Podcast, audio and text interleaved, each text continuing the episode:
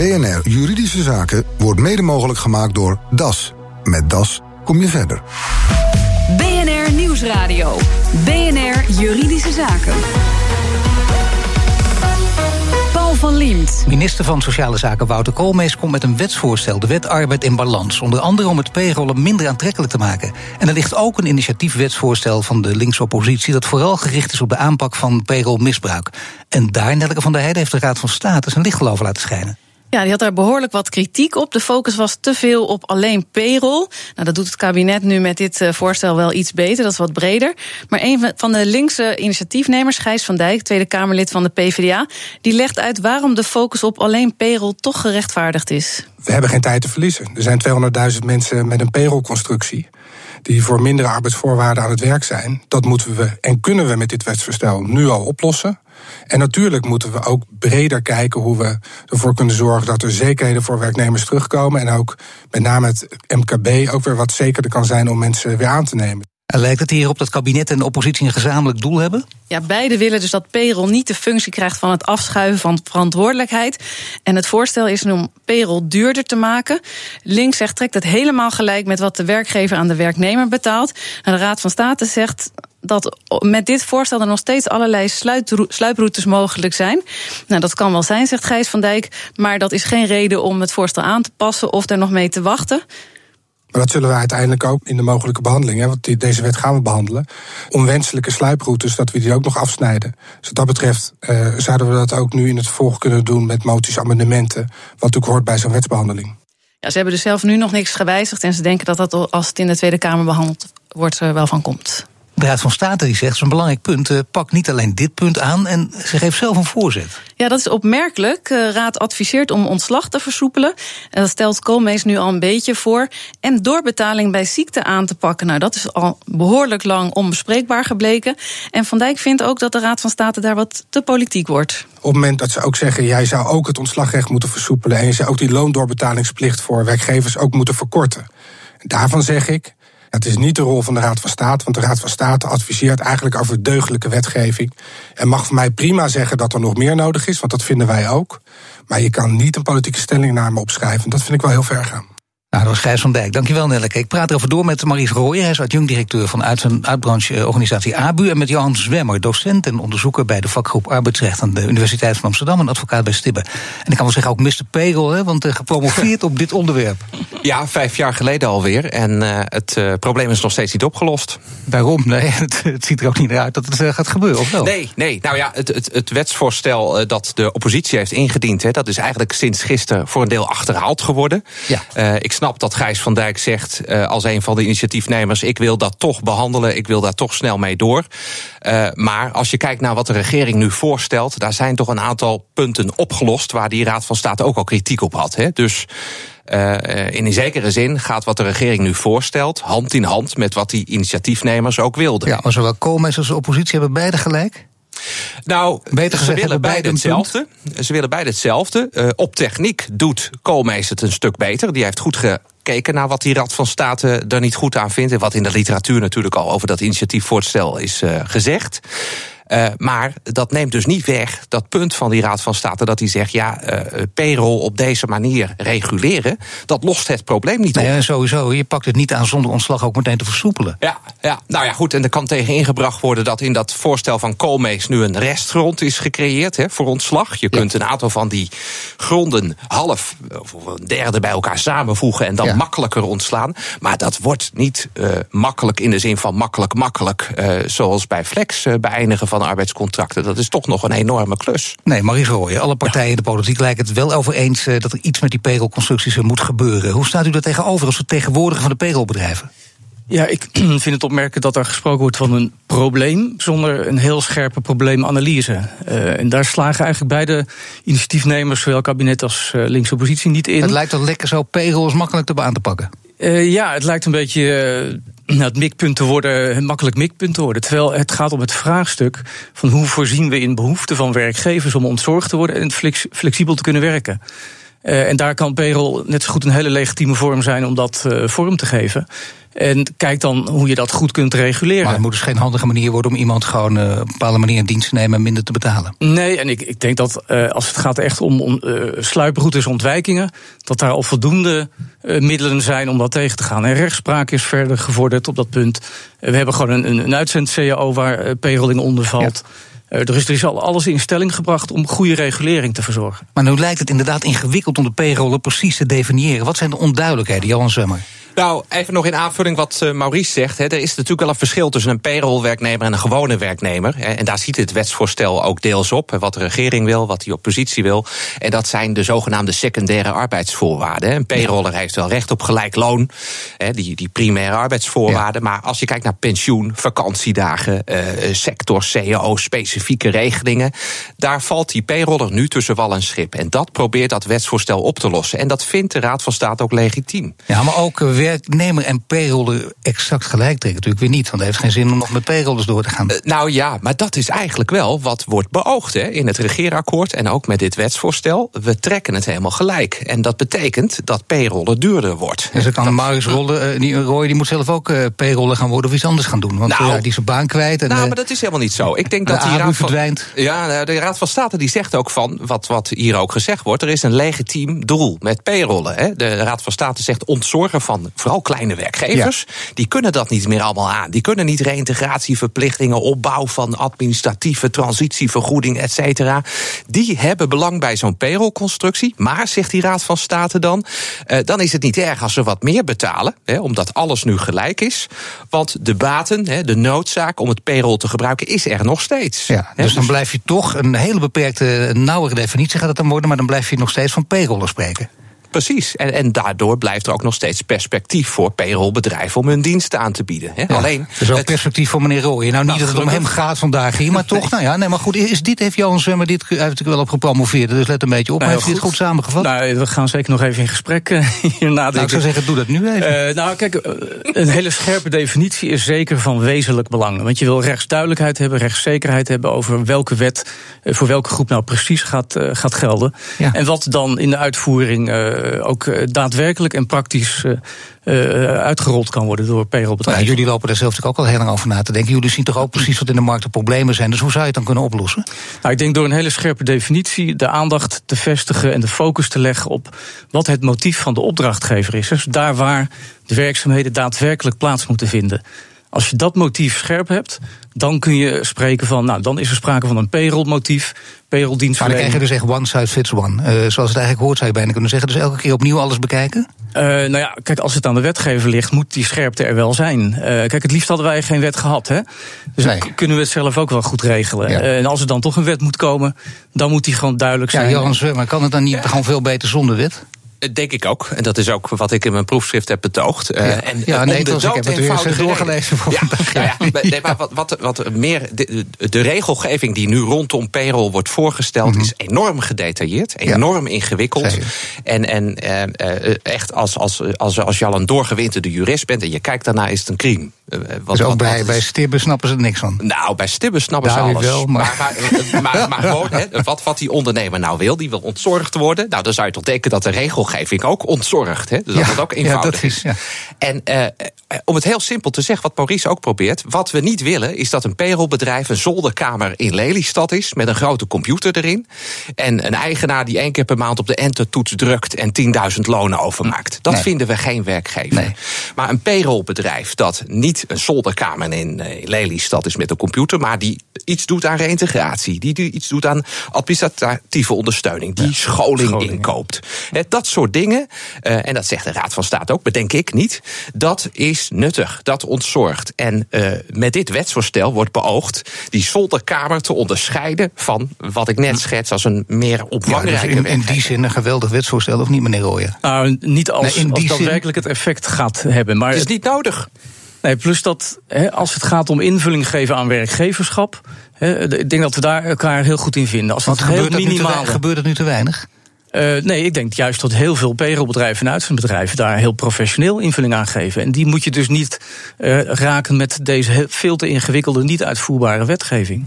Als je van die hele ingewikkelde wetgeving krijgt, meestal denk je dan dat is alleen maar bedoeld om te versluieren. Want anders zou je het al in heldere taal zeggen. Is dat ook zo, Jan Sommer? Absoluut. Eh, kijk, nu kan de rechter nog zeggen, omdat het niet gereguleerd is, ik vind dit alleen maar een zolderkamer in Lelystad, dus ik kijk er doorheen. Klaar. Straks moet die rechter die ingewikkelde wetgeving ernaast pakken, waar dan precies uitgeschreven staat wat nou de grens is tussen een zolderkamer en een echt payrollbedrijf. En, en dan wordt dat ingewikkeld. Dan nou, voor juristen levert dat dan weer heel veel uh, geld en tijd op. Dat is nou fijn, maar daar gaat het uiteindelijk niet om. Nee. Kwestie wordt te veel gejuridiseerd op deze absoluut, manier. Absoluut. En, en een ander punt is natuurlijk, payroll is er omdat het werkgeverschap te ingewikkeld is geworden. Hè? Daarom heb je een payrollbedrijf. Ja. Terwijl we eigenlijk met z'n allen altijd hebben gezegd, wat is nou een werkgever? Iedereen heeft daar een idee bij. Dat is de baas. Dat is de ondernemer voor wie je werkt. We zijn nu al 10, 15 minuten aan het praten over wie dat dan is. Ehm, de reden dat we erover praten is omdat werkgever zijn blijkbaar zo duur is, zo ingewikkeld is, zoveel problemen meebrengt. Uh, en die Raad van State die zegt eigenlijk: haal dat nou eens weg. En dat doet de Raad van State normaal. Dat moeten we kunnen niet genoeg benadrukken, lijkt mij. doet de Raad van State niet vaak. Nee, want maatschappelijke betrokkenheid heet dat, denk ik.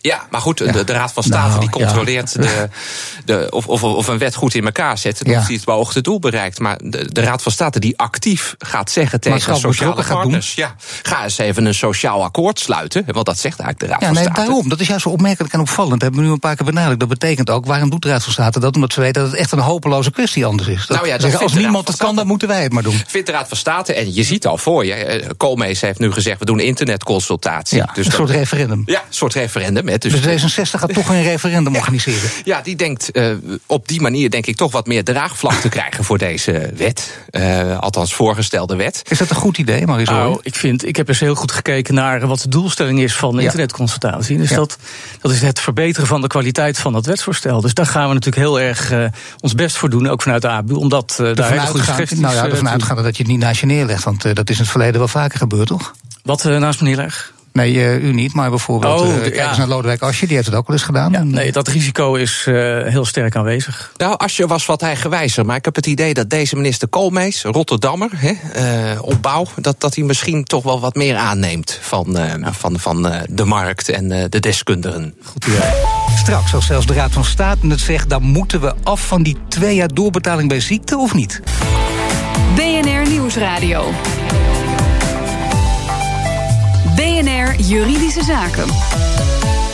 Payrolling zonder goed werkgeverschap is een doorn in het oog van alle politieke kleuren. Hoe kom je daarvan af? Mijn gasten, Johan Zwemmer, arbeidsrechtadvocaat, uh, werkzaam bij Stibbe. En Maries Rooyer, adjunct-directeur van de ABU. Ja, er worden meerdere pogingen gedaan. Het aanpakken van de computer, dus die de loonbetaling overneemt, maar verder geen werkgeverstaken op zich neemt. Uh, die wil je dan met wetgeving uitschakelen, waar we het zojuist over hadden. En toen hoorde een luisteraar dit programma die, en die wilde meteen reageren. En die zei: Wacht eens eventjes, uh, het gaat hier over werkgeverschap, dat het allemaal ingewikkeld zou zijn. Het is helemaal niet ingewikkeld, het is gewoon te duur. Jan. Ja, de, de, dat, dat is niet op zich een, een wetenschappelijk meetbaar punt. Ik ben een eenvoudige jurist, dus ik kan alleen maar constateren dat als je werkgever bent, dat die werknemer ontslagbescherming heeft. Dat staat ja. in de wet, zoals we dat hebben afgesproken. Ja. En je moet onder meer, als hij ziek wordt, loon doorbetalen gedurende twee jaar. Ja, en dan is er nog iets. Als je payrolling doet, en Marie je een paar keer ook al aan bod gekomen, dan krijg je dus inderdaad uh, bijvoorbeeld bijscholing. Maar wat doen jullie dan? Uh, nou, we hebben in, in de branche uh, de Stichting Opleiding Ontwikkeling Flexbranche. Uh, en die kan scholing en opleiding van ook payrollkrachten heel goed ondersteunen. Uh, en we hebben een, een scholingsbestedingsverplichting van 1,02% van de landsom in de ja, CO maar. Dat, maar, dat, maar, wat gebeurt er dan? Dan word je in een klasje gezet en dat gebeurt ook uh, daadwerkelijk eens in de maand bijvoorbeeld? Of nou, maakt er nooit iemand gebruik van het potje? Nee, zeker wel hoor. Uh, ik denk dat heel veel payrollbedrijven die gaan heel goed op maat kijken wat is er nodig bij die opdrachtgever aan extra scholing of bijscholing. En die kunnen dat faciliteren. Soms ook in, af, in, in samenspraak met de opdrachtgever.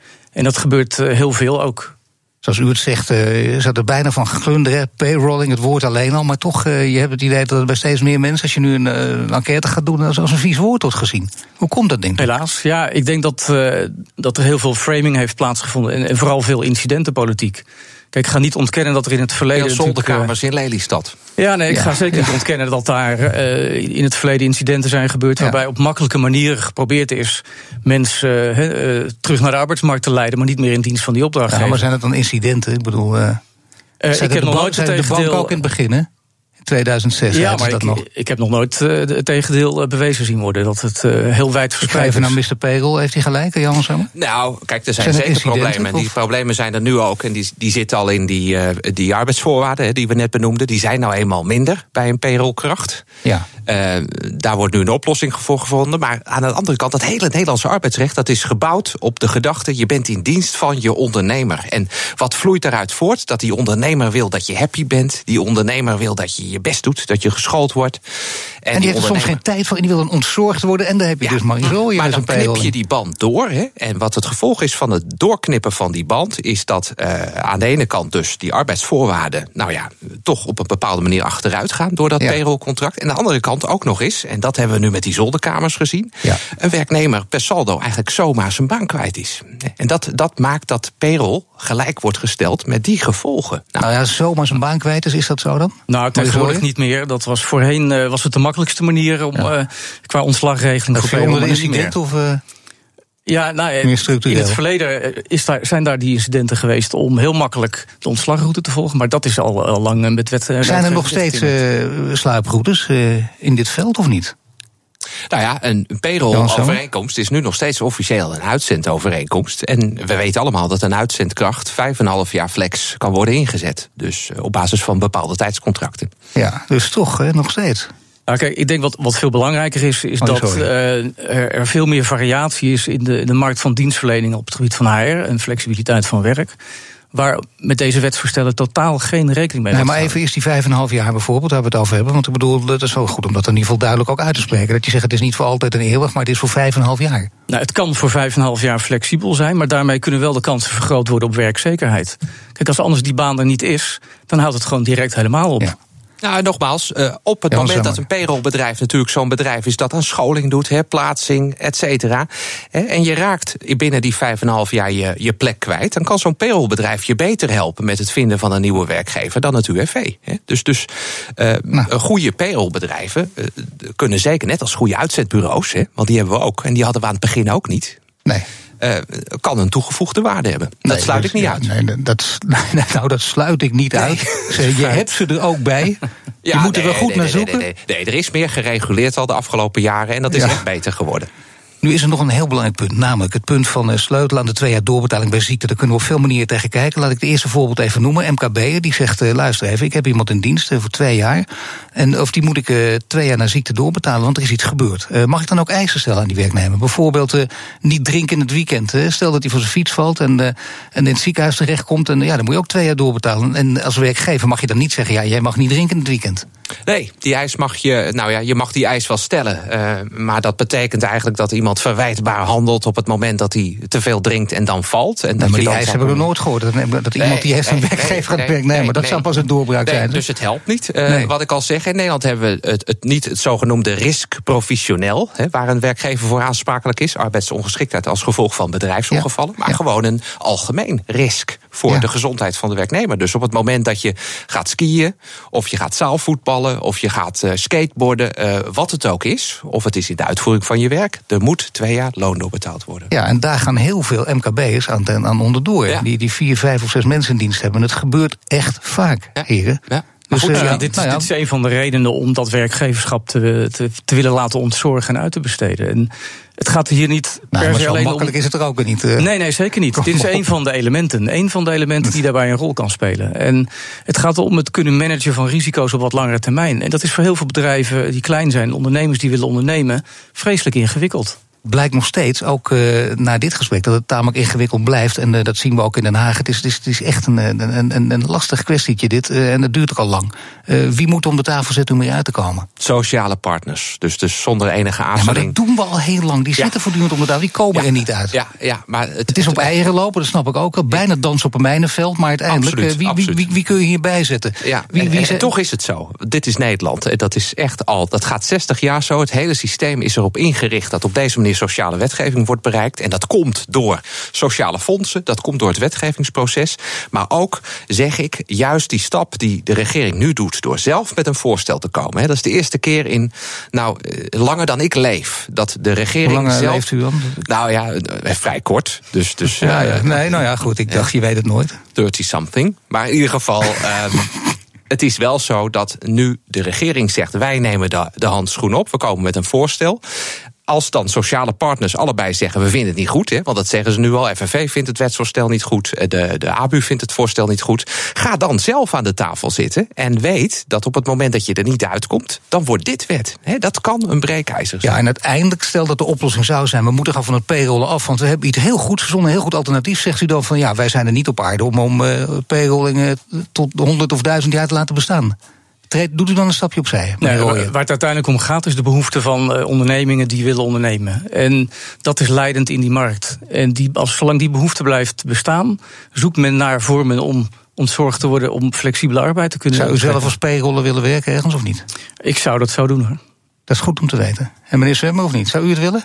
Nee, ik niet. Waarom ehm, niet? nou, ik, ik, niet omdat ik wil, ik wil vastzitten aan die onderneming waar ik werk. Omdat ik wil weten wie mijn, uh, mijn arbeid vermarkt. En ik wil daar invloed op hebben. Lekker kunnen blijven skiën gewoon in het weekend. Uh, als het lekker weer nou, is en we kunnen naar buiten. Maar, maar, daarvan zeg ik van als dat nou opgelost wordt. Want dat is eigenlijk wat de Raad van State zegt. Dan is dat payroll helemaal niet meer nodig. En wat mij betreft zou payroll ook kunnen betekenen. Dat je zegt ik vind administratie ingewikkeld. Ik huur een bedrijf in om dat voor me te doen. Zonder dat dat bedrijf meteen ook werkgever wordt. Hartelijk dank, heren. Maries Hooijen van de ABU en Johan Zwemmer van Stibbe en de UvA.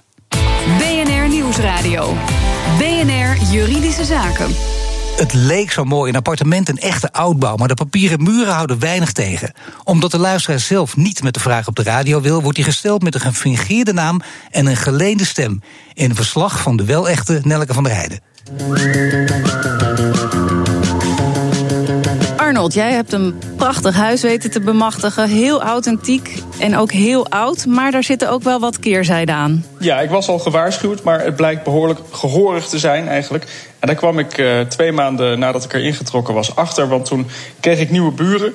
En uh, hele aardige mensen hoor, praatje meegemaakt en alles op de dag van de verhuizing. Maar ja, aan het eind van de verhuizing zag ik een uh, drumstel omhoog getild worden. En toen, ja, toen vermoedde ik toch wel dat ik er last van zou kunnen krijgen. En is dat ook inderdaad gebeurd? Ja, dat is zeker gebeurd. Uh, drummer, dat is eigenlijk elke dag, uh, zeker na werktijd zeg maar, gebeurt dat.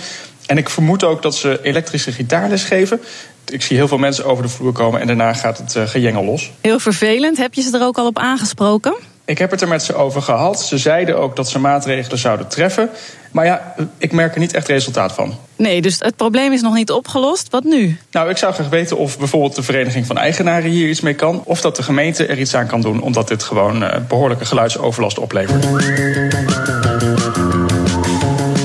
Annemare Langelo van Hilkema Co. Wat kan Arnold nou tegen deze overlast beginnen? Nou, Arnold kan in de eerste plaats zelf wat doen. Het uh, veroorzaken van geluidsoverlast is uh, onrechtmatig. Dus hij zou uh, naar de rechter kunnen stappen om te vragen om een verbod op het drummen en op het elektrisch gitaarspelen. Of in ieder geval dat te beperken tot een aantal uren per dag bijvoorbeeld. Of hij kan de rechter vragen om de eigenaar te veroordelen om maatregelen te treffen. Bijvoorbeeld om de ruimte waar die muziekinstrumenten staan en waar gespeeld wordt, om dat te isoleren. Maar daarvoor is het wel nodig dat hij zijn eigen dossier opbouwt. Dus hij moet wel uh, kunnen aantonen bij de rechter dat die overlast er is. Bijvoorbeeld door geluidsopnames te laten horen. Het zou ook goed zijn als hij bij andere buren langs gaat om na te vragen of die mensen die overlast ook op die manier ervaren. En dan zal hij moeten laten zien dat hij de eigenaren zelf ook al heeft aangesproken uh, met de vraag om er wat aan te doen om de overlast te staken. En dat dat niet tot succes heeft geleid. Ja, dus met een goed dossier kan hij naar de rechter. Kan de VVE ook iets voor hem doen? Ja, de VVE zou ook wat kunnen doen. Uh, beide eigenaren zijn lid van dezelfde VVE. Ze hebben zich dus ook aan de regels van de VVE te houden. Die regels die staan in de splitsingsakte. En uh, soms ook in een huishoudelijk reglement als die er is. Vaak staan in die stukken dat eigenaren elkaar geen overlast mogen bezorgen. En er kan ook in staan dat een appartementseigenaar zijn appartement moet gebruiken volgens de bestemming die daaraan gegeven is. Dat is vaak woonruimte. En als de bedrijfsmatige uh, gitaarlessen worden gegeven, kan je afvragen of dat daar misschien mee in strijd is. Maar dat zijn de kapstokjes die de VVE kan gebruiken om deze appartementseigenaar aan te spreken. De VVE kan een waarschuwing geven. Als dat niet helpt, kan de VVE ook een boete opleggen. En als dat allemaal niet helpt, eh, kan de VVE zelfs overgaan tot een besluit eh, tot ontzegging van eh, de woning. Dus dat betekent dat de appartementseigenaar zijn woning dan niet meer kan gebruiken. Dat is wel heftig. Nou vroeg Arnold zich ook nog af of hij misschien bij de gemeente zou kunnen aankloppen. Heeft die hier ook nog een verantwoordelijkheid in? Nou, dat kan hij proberen. in sommige APV's staat een verbod op de veroorzaken van geluidsoverlast door overige geluiden, wat in dit geval het spelen van drums en het geven van gitaarles zou kunnen zijn. Daar moet de APV even op nagekeken worden. Maar als dat zo is, dan zou Arnold eventueel ook een verzoek tot handhaving kunnen doen bij de gemeente. Dat zegt advocaat Annemare Langelo in een verslag van Nelke van der Heijden. Heeft u ook een juridische vraag? Mail hem naar juridischezaken.bnr.nl. Dit was de uitzending voor vandaag. U kunt de show terugluisteren via bnr.nl slash juridische zaken. Mijn naam is Paul van Diemt. Tot de volgende zitting. BNR Juridische Zaken wordt mede mogelijk gemaakt door DAS. Met DAS kom je verder.